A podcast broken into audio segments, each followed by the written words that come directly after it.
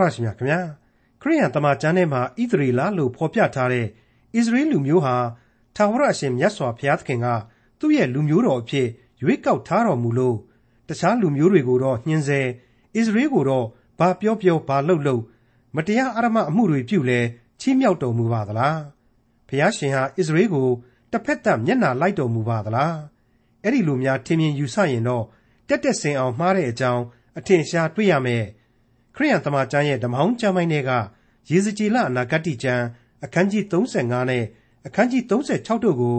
ဒီကနေ့တင်ပြရသောတမန်ကျမ်းအစီအစဉ်မှာလေ့လာမှာဖြစ်ပါတယ်။ဒါဆိုရင်အစ္စရေးလူမျိုးကိုဘာအတွက်နဲ့ထာဝရဘုရားဟာလူမျိုးတော်အဖြစ်ရွေးကောက်ထားတော်မူပါသလဲ။ကြောက်နှလုံးကိုနှုတ်ပြီးအသားနှလုံးကိုတွင်းပေးမယ်ဆိုတာတွေလည်းပါဝင်တဲ့ရေစကြည်လအနာဂတ်ကျမ်းအခန်းကြီး35နဲ့အခန်းကြီး36တို့ကိုဒေါက်တာထွန်းမြတ်အေးက အခုလိုရှင်းလင်းတင်ပြมาဖြစ်ပါတယ်။တင်ပြရသောတမန်ကျမ်းရဲ့မိတ်ဆွေတော်တတ်ရှင်အပေါင်းတို့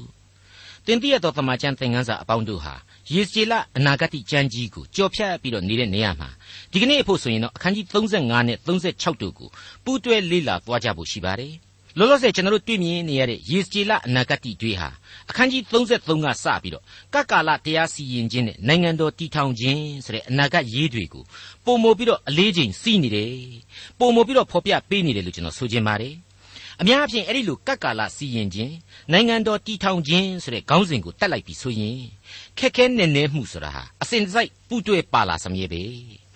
ကိုလက်လက်မမီတဲ့အနာဂတ်ဆိုတာကိုကိုဟာနှုတ်ကပတ်တော်အတိုင်းတင်ပြရမှာစဉ်းစားတွေးခေါ်ခြင်းဆိုတာတွေဟာကိုအုံနောက်နဲ့ကိုစဉ်းစားခြင်းတွေဟာမလွဲမသွေပါဝင်ကိုပါဝင်လာရပါတယ်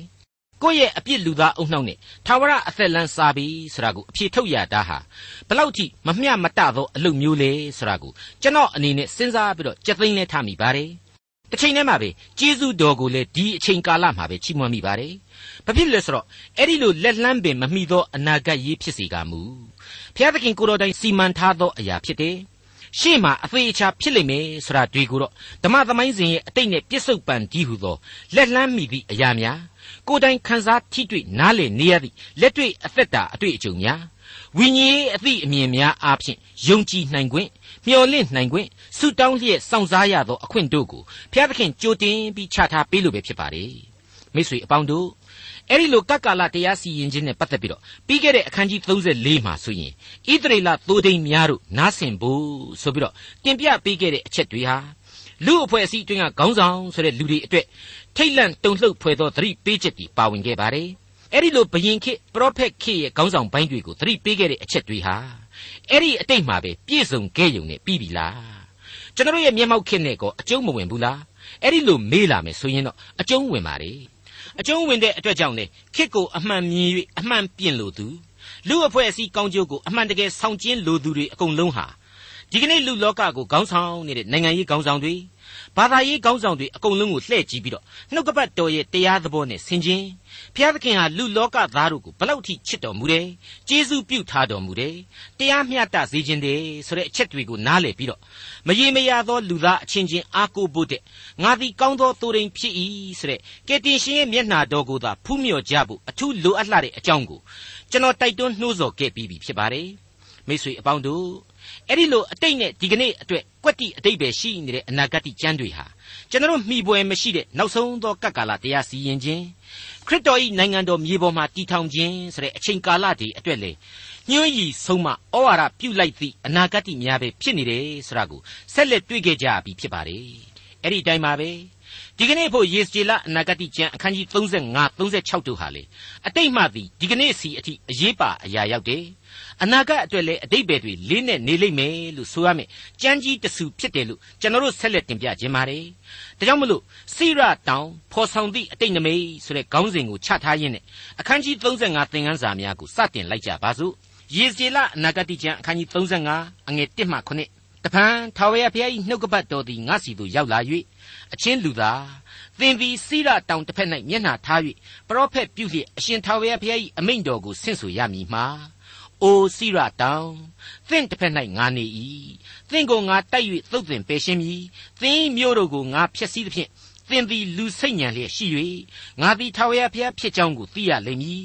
သင်သည်အစဉ်ရန်ညှိုးဖွဲ့၍ဣသရေလအမျိုးသားတို့၌အမှုရောက်သောကာလ အပြစ်ကြောင့်ခံရသောကာလအဆုံး၌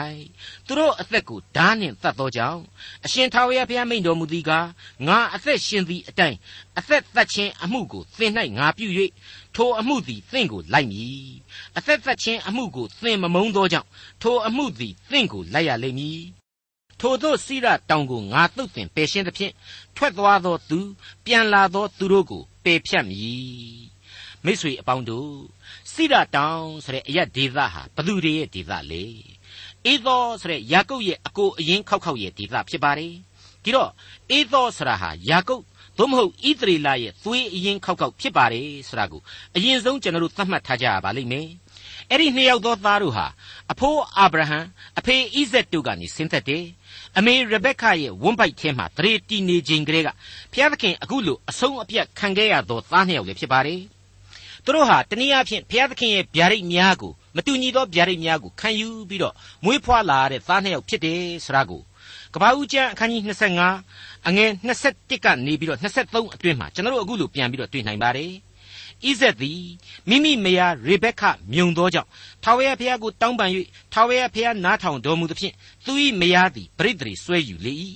ဝန်းအတွင်း၌တည်သောသူငယ်တို့သည်အချင်းချင်းတိုက်ခိုက်ကြ၏အမိကလည်းထိုသို့ဖြစ်၍ငါ၌အဘယ်အမှုရောက်ပါလိမ့်မည်နည်းဟုဆိုသဖြင့်ထာဝရဘုရားကိုမေးလျောက်ခြင်းဟာသွားလေ၏ထာဝရဘုရားကလည်းသင်၏ဝန်းအတွင်း၌လူမျိုးနှမျိုးရှိ၏သင်၏ဝန်းတဲကခြားနာသောလူစုနှစ်စုကိုဖွာရလိမ့်မည်လူတစ်မျိုးသည်တစ်မျိုးတည်းအာတိလိမ့်မည်အကြီးသည်အငယ်၌ကျွန်ခံရလိမ့်မည်ဟုမိန့်တော်မူ၏တဲ့မိတ်ဆွေ အေသောဆရာဟာယာကုပ်တဲ့အကြီးအဲ့ဒီတော့ဣသရေလနိုင်ငံကဇီးအောင်တောင်နဲ့အေသောရဲ့အေဒုံဆိုတဲ့အမျိုးသားတို့တည်ရှိရာစိရတောင်တို့ဟာတခုကဘုရားသခင်ကျင်းဝေရာတောင်တော်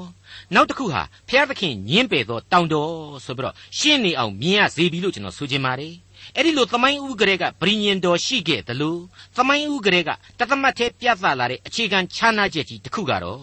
ယာကုပ်သည်ဝိညာဏလူသားဂရိတော်နှင့်ရွေးကောက်ခြင်းခံရသောလူသားဖြစ်သည်အေသောဆိုတာကတော့ဇာတိပဂရိကိုကိုစားပြုတဲ့အသွေးအသားသမားဖြစ်သည်ဆိုတဲ့ဇယိုက်ခြားနာခြင်းအချက်ကြီးပဲဖြစ်ပါတယ်ဒါတွေအကုန်လုံးတို့ဟာစိရတောင်လို့အခုကျွန်တော်တို့ဖော်ပြနေတဲ့အေဒုံပြည်ဟာ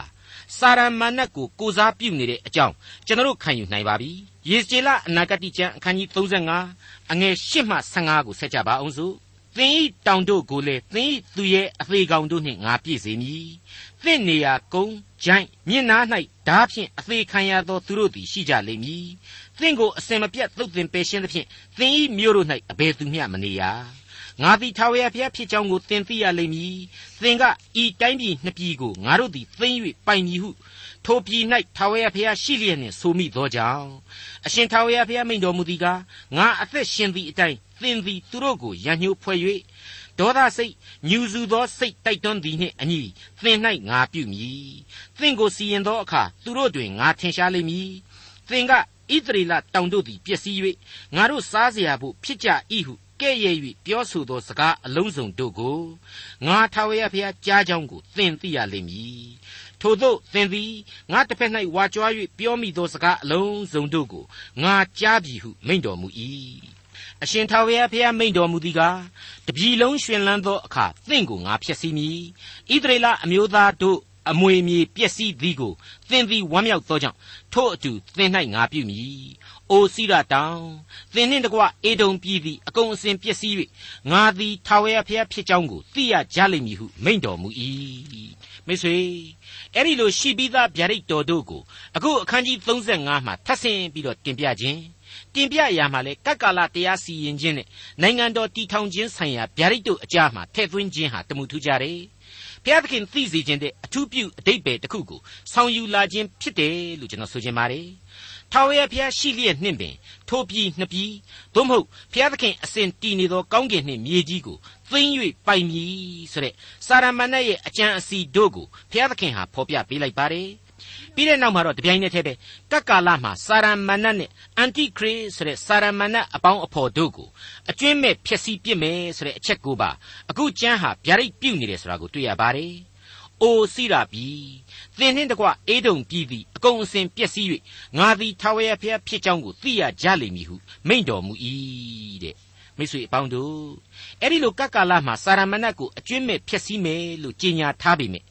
အဲ့ဒီအချိန်ဟာကျွန်တော်ရဲ့အနာဂတ်ရေးတာဖြစ်ပါတယ်ဒီကနေ့မဟုတ်ပြစ္ဆုတ်ပံမဟုတ်ပါဘူးဒါကြောင့်မို့ကျွန်တော်မိษွေတို့အတွက်ဣသရေလအမျိုးသားတို့အမွေမြေကိုပျက်စီးသည်ကိုဝမ်းမြောက်တော်စီတာတောင်းသို့မဟုတ်စာရမဏတ်ဟာအားကောင်းမောင်းတန်ရှိနေသေးပဲဆိုတာကိုသတိချက်ဖို့အထူးပဲအရေးကြီးလာပါတယ်။သမိုင်းနှင့်ရှင်၍အစဉ်ကိုးစားရအဖဖျားသခင်ဘက်မှသာ မြဲမြံစွာယက်တည်ဖို့အထူးလိုအပ်လိမ့်မယ်ဆိုတာကိုကျွန်တော်အလေးအနက်ပြုကြပါစို့။ယေဇေလအနာဂတိကျမ်းအခန်းကြီး36ကိုဆက်လက်တင်ပြခွင့်ပြုပါ။အခန်းကြီး36ရဲ့အငယ်1မှ9အတွင်းမှာအခုလိုဖော်ပြထားပါတယ်။တဖန်အချင်းလူသားဣသရေလတောင်တို့အားပရောဖက်ပြု၍ဆင့်ဆိုရမည်မှာ အိုဣသရေလတောင်တို့ထာဝရဘုရား၏အမိန့်တော်ကိုနားထောင်ကြလော့အရှင်ထာဝရဘုရားမိန့်တော်မူသည်ကရန်သူကအေးဟေထာဝရတောင်တို့သည်ငါတို့လက်၌ရောက်ကြပြီဟုသင်တို့တစ်ဖက်၌ဆိုမိသောကြောင့်ပရောဖက်ပြု၍အရှင်ထာဝရဘုရား၏အမိန့်တော်ကိုဆင့်ဆိုရမည်မှာသင်တို့သည်ကြံကျွင်းသောတပါးအမျိုးသားတို့သိမ့်ယူရာဖြစ်ရသည်တိုင်အောင်သင်တို့ကိုသုတ်သင်ပယ်ရှင်း၍ပတ်လေကိုက်စားသောကြောင့်၎င်းသင်တို့သည်လူများပြောဆိုရာကဲ့ရဲ့ရာဖြစ်သောကြောင့်၎င်း အိုဣသရေလတောင်တို့အရှင်ထာဝရဘုရား၏အမိန့်တော်ကိုနားထောင်ကြလော့အရှင်ထာဝရဘုရားသည်တောင်ကြီးတောင်ငယ်မြည်ရည်စီးရာဂျန့်ရာသုတ်တင်သောလွင်ပြင်မှဆ၍ပတ်လည်၌နေသောတပားမျိုးသားတို့အကျွင်းအကြံတို့သည်တပားမျိုးသားအကျွင်းအကြံတို့သည်လူယူကဲ့ရဲ့၍မြို့သားစွန့်သွားသောမြို့တို့အားမိန့်တော်မူသည်ကား အကယ်စင်စစ်ငါပြည်ကိုလူယူစရာဖို့ပြစ်ထားခြင်းဟာအလွန်ဝမ်းမြောက်သောစိတ်အညှိုးထားသောစိတ်ရှိ၍ကိုယ်တိုင်လူယူစရာဖို့စီရင်သောအေဒုံအမျိုးသားအပေါင်းတို့နှင့်ကြံကျွင်းသောတပားအမျိုးသားတို့တစ်ဖက်၌ငါသည်ဒေါသမီထွက်၍ပြော့ထားပြီ ပြီးခဲ့တဲ့အခန်းကြီး35မှာတုန်းကအေဒုံပြည်သို့မဟုတ်စာရမဏတ်ကိုကိုစားပြုထားတဲ့စိရတောင်နဲ့စာရမဏတ်ဘက်တော်သားတို့ကိုဖျက်ဆီးပစ်မည်ဆိုတာကိုကျွန်တော်တို့တွေ့ခဲ့ကြပြီးပါပြီစာရမဏတ်ဟာဣသရေလအမျိုးသားတို့ရဲ့အမွေမြေပျက်စီးတာကိုဝမ်းမြောက်တယ်ဆိုတာကိုလည်းမြင်ခဲ့ကြပြီးပါပြီ အဲ့ဒီလိုစာရန်ဝမ်းမြောက်တာဟာသူ့ရဲ့အောင်မြင်မှုအတွက်ဝမ်းမြောက်တာပဲတနည်းအားဖြင့်ဣသရေလရဲ့ပျက်စီးခြင်းဟာသူ့နောက်ကိုလိုက်ပြီးတော့ဖောက်ပြန်လို့ပျက်စီးတာပဲဣသရေလကိုယ်တိုင်ဟာအပြစ်ကျူးလွန်ခဲ့လို့ပဲဆိုတာကိုကျွန်တော်နားလည်ထားဖို့လိုပါတယ်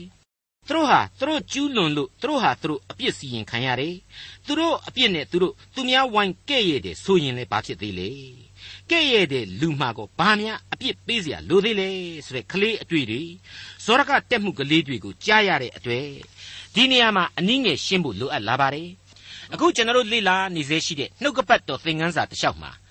လူမျိုးတော်ဣသရီလရေတပားအမျိုးသားရေဆိုပြီးတော့နှစ်ပိုင်းခွဲထားပါတယ်ပြီးတော့အပြစ်စီရင်ခြင်းရေကောင်းကြီးမင်္ဂလာပေးခြင်းရေဆိုပြီးတော့လေနှစ်ပိုင်းခွဲပြီးတော့တွေ့နိုင်ပါတယ်အဲ့ဒီလိုနှုတ်ကပတ်တော်ကတောက်လျှောက်ဖော်ပြလာရမှာမိษွေတို့လက်တွေ့ကြကြဆန်းစစ်ကြည့်ပါ လူမျိုးတော်လူမျိုးတော်ဆိုပြီးတော့တပားမျိုးသားတက်များထုပြီးတော့အကျိုးမဲ့အကြောင်းမဲ့သက်သာဓာများရှိပါသလားမျက်နှာသာတက်တက်ပေးပြီးတော့တပားမျိုးသားတို့ကိုတော့နှိမ့်ဆက်ဣသရေလကိုတော့အချောက်တိုက်ကောင်းကြီးမင်္ဂလာတွေနဲ့ဖို့နေတယ်လို့များထင်ယောင်ထင်မှားဖြစ်เสียရှိပါသလား အဲ့ဒီလိုတစ်ဖက်စောင်းနှင်းစီရင်ခြင်းဆိုတာကိုဘုရားသခင်ဟာဘယ်နေရာမှာမှမပြုတ်မှုဘူးဆိုတာကိုကျွန်တော်အမြဲတွေ့နေရပြီဖြစ်ပါတယ်ဒါတွေကိုအဆက်ဆက်သောအနာဂတ်တွေမှာအထင်သာပြန်ကြည့်ပါမငင်းနိုင်အောင်ကိုတွေ့ရမှာဖြစ်ပါတယ်အခုယေစကျေလအနာဂတ်တစ်ခုတည်းနဲ့တောင်းမှကျွန်တော်အကဲဖြတ်ကြည့်ပါတယ်ဣသရေလဟာသိအပြစ်ကြီးတယ်ဒါကြောင့်အဲ့ဒီအပြစ်ကြီးမားခြင်းနဲ့အညီအပြစ်ဒဏ်ကိုလည်းအကြီးကြီးခံယူကြရမယ်တခါအဲ့ဒီအပြစ်ဒဏ်ကြီးအကြီးကြီးခံစားရတာနဲ့အမျှသူ့ကိုယ်သာပြန်လေကိုယ်ွယ် နောင်တရသူဟာအပြစ်လွတ်ပြီးတော့ကောင်းကြီးမင်္ဂလာတီကိုထပ်မံပြီးတော့ပေးမယ်ဆိုတာကိုဘုရားသခင်ဟာဂရိတော်ပြုတော်မြဲဖြစ်တယ်ဆိုတာကိုကျွန်တော်တို့တွေ့ရပါတယ်အေဂုတ်ထုဘာဘူးလုံစတဲ့မဟာအင်အားကြီးနိုင်ငံတော်တွေဟာဘာကြောင့်မဟာအင်အားကြီးနိုင်ငံကြီးတွေဖြစ်လာကြသလဲ ဘုရားသခင်ပေးတော်မူသောကောင်းကြီးအင်အားများနဲ့သာကောင်းကြီးများနဲ့သာအင်အားကြီးများဖြစ်လာတာဆိုတာကိုတွေ့ရပြီးတော့လူမျိုးတော်မဟုတ်တဲ့သူတို့အခုလောက်ကောင်းကြီးတွေကိုခန်းစားခဲ့ရပြီးတော့ဣသရေလကိုတောင်းမှပြန်ပြီးတော့နိုင်စားခွင့်ရတာနှိမ့်ဆက်နိုင်တာကျွန်လုံနိုင်တာတွေကိုမြင်ရခြင်းအပြင်ဘုရားသခင်ဟာဣသရေလကိုမှရွေးပြီးတော့အမြဲမျက်နှာလိုက်ခြင်းအရှင်းမရှိ လူသားတို့အဖွဲ့အစည်းအတွင်းသူ့ကိုယုံကြည်ခြင်းတရားနဲ့သူ့ကိုကိုးစားအားထားခြင်းအပေါ်မှာသာမူတည်ပြီးတော့နိုင်ငံတစ်ခုချင်းလူအဖွဲ့အစည်းတစ်ခုချင်းလူတဦးချင်းကိုကျေးဇူးပြုတော်မူတယ်အပြစ်ပေးတော်မူတယ်ဆုံးမသွန်သင်တယ်ဆိုတဲ့အဖြစ်ဟာရှင်းလင်းပြတ်သားစွာပေါ်ထွက်လာပါတယ်တစ်ချိန်တည်းမှာပဲရွေးကောက်တော်မူသောလူမျိုးဆိုတဲ့ဣသရေလကိုလေသူ့ရဲ့ဓမ္မတရားများကိုလူသားတိုင်းစံပြုပြီးတော့လိုက်နာခံယူနိုင်ဖို့လူအဖွဲ့အစည်းကိုသူရှိကြောင်းကိုသိနာလဲစေနိုင်ဖို့ရန်အတွက် သူရွေးကောက်ထားသော လူမျိုးတော်ဖြစ်တဲ့အတွေ့ဒီလူမျိုးတော်ဆိုင်ရာသီးသန့်ပြည်ညင်တွေဗျာဒိတ်တော်တွေအနာဂတ်တွေနဲ့သီးသန့်ရစ်ပတ်မှုမရှိဘူးလားဆိုရင်တော့ရှိတယ်ဆိုတဲ့အဖြေကိုစဉ်းစားရယူနိုင်ပါတယ် ဘာပဲဖြစ်ဖြစ်အဲ့ဒီသီးသန့်ပြည်ညင်တွေအရာဘင်းနှင်အပြစ်စီရင်ခြင်းနဲ့ကောင်းကြီးမင်္ဂလာပေးခြင်းဆိုတာဟာဆက်လက်ပြီးတော့တည်ရှိနေပြန်ပါတယ်အဲ့ဒီအပြစ်ဒဏ်နဲ့အဲ့ဒီကောင်းကြီးဆိုတာဟာတောင်မှမိษွေတို့ကျွန်တော်တို့အပါဝင်လူသားတိုင်းအတွက်စီရင်ခြင်းတွေရဲ့အခြေခံသဘောအတိုင်းပဲရှိနေတယ်ဆိုတာကိုစိစိဆင်ခြင်ရင်ခန်းစားထိတွေ့ရမှာသာဖြစ်ပါတယ်ဟုတ်ပါတယ် အခုချိန်မှဆိုရင်ယေစကျေလအနာဂတ်ဟာကောင်းကြီးပေးခြင်းအနာဂတ်အဖြစ်အခုလိုပြောင်းလဲဖော်ပြလိုက်ပြန်ပါပြီယေစကျေလအနာဂတ်ကျမ်းအခန်းကြီး36အငယ်6မှ7တို့ဖြစ်၍ဣသရေလပြည်ကိုရည်မှတ်၍ပရောဖက်ပြုလျက်တောင်ကြီးတောင်ငယ်မြည်ရည်စီယာဂျန်ယာတို့အားအရှင်ထာဝရဘုရား၏အမိန့်တော်ကိုဆင့်ဆိုရမည်မှာ သင်တို့သည်တပားမျိုးသားတို့ကဲ့ရဲ့ခြင်းကိုခံရသောကြောင့်ငါသည်ဒေါသအမျက်ထွက်၍ပြောပြီအရှင်ထာဝရဘုရားမိန့်တော်မူသည်ကားအကယ်စင်စစ်သင်တို့ပတ်လည်၌နေသောတပားမျိုးသားတို့သည်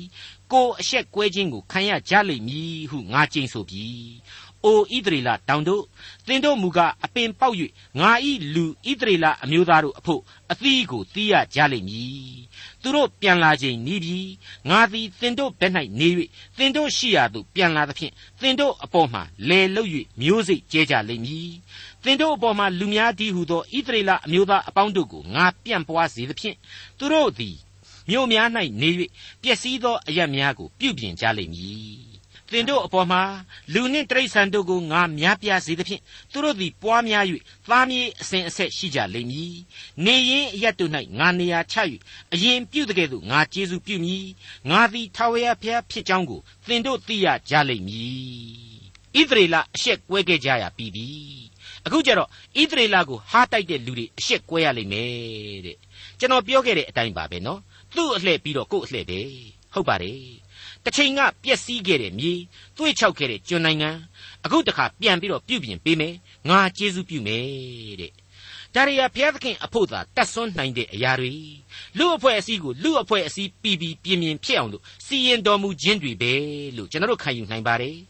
ယေစကျေလနဂတိကျမ်းအခန်းကြီး36အငယ်7မှ15သင်တို့အပေါ်မှာလူများဒီဟုသောငါ၏လူဣတရေလအမျိုးသားတို့သည်သွာလာမည်အကြောင်းငါပြုမည်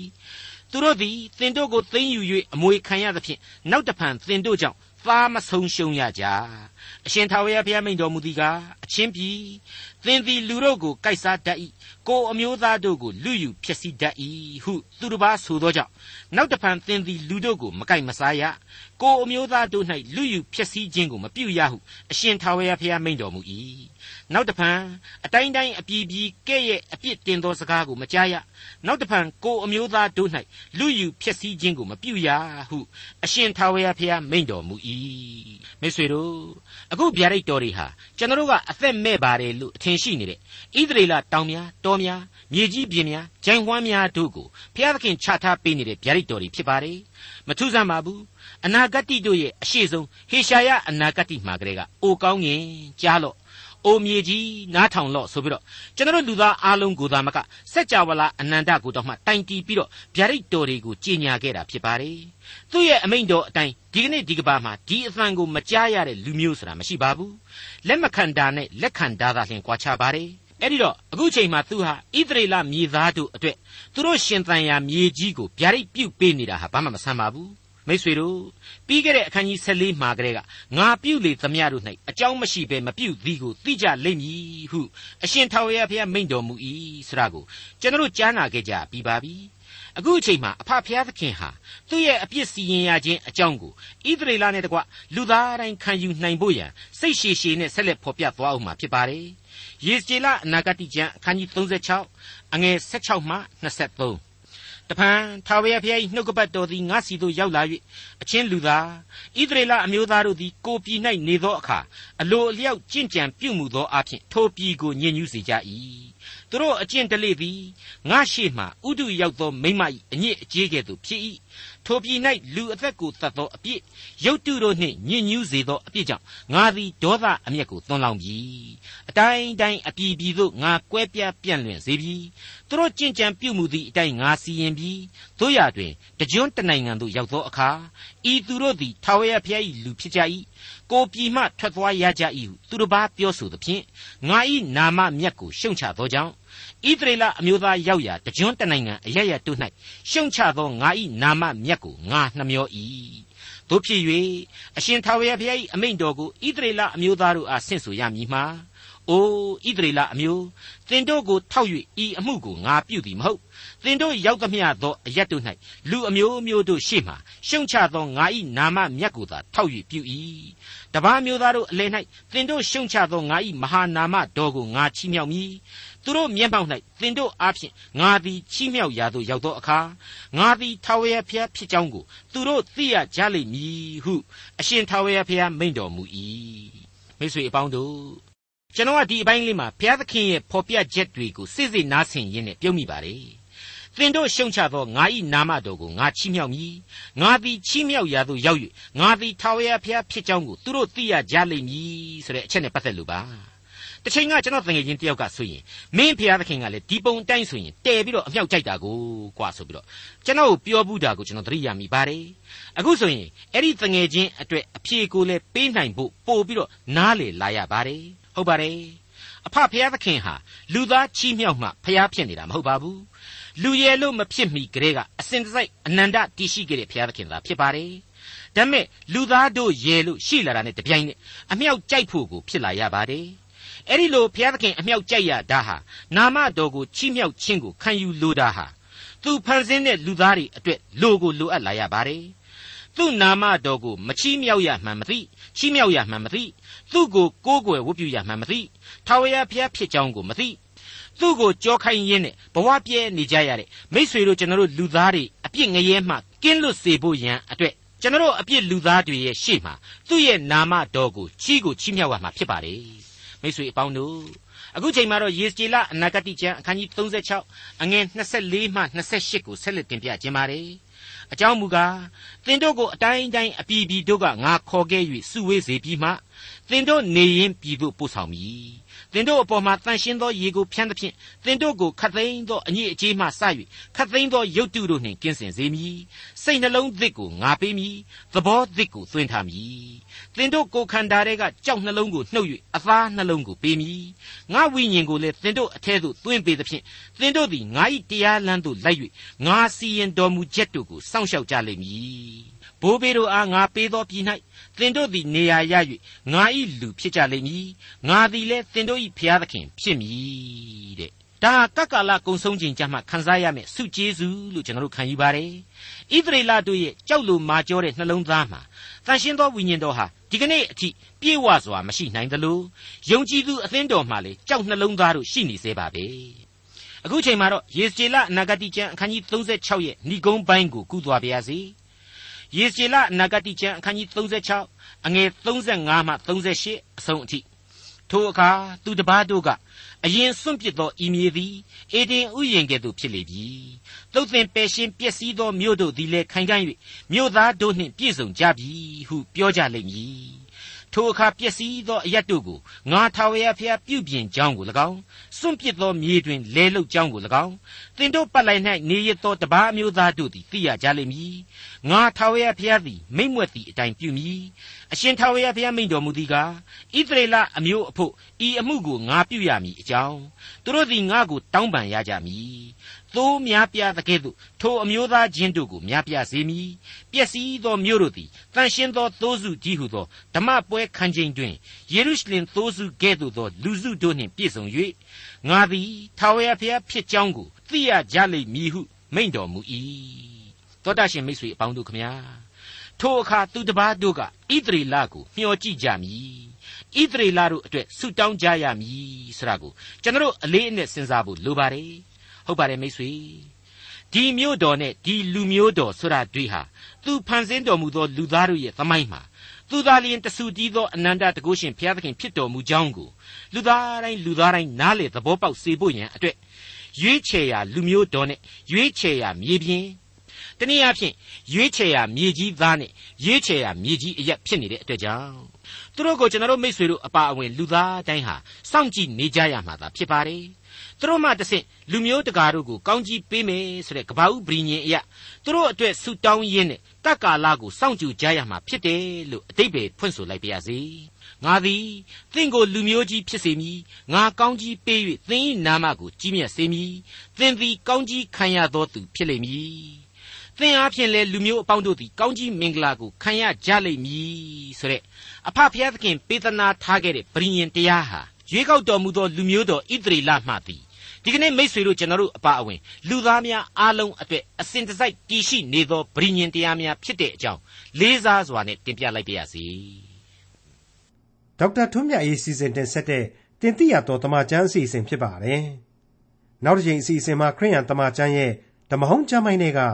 ရေစကြည်လအနာဂတ်ကျမ်းအခန်းကြီး39ကိုလေ့လာမှဖြစ်တဲ့အတွက်စောင့်မျှော်နားဆင်နိုင်ပါတယ်။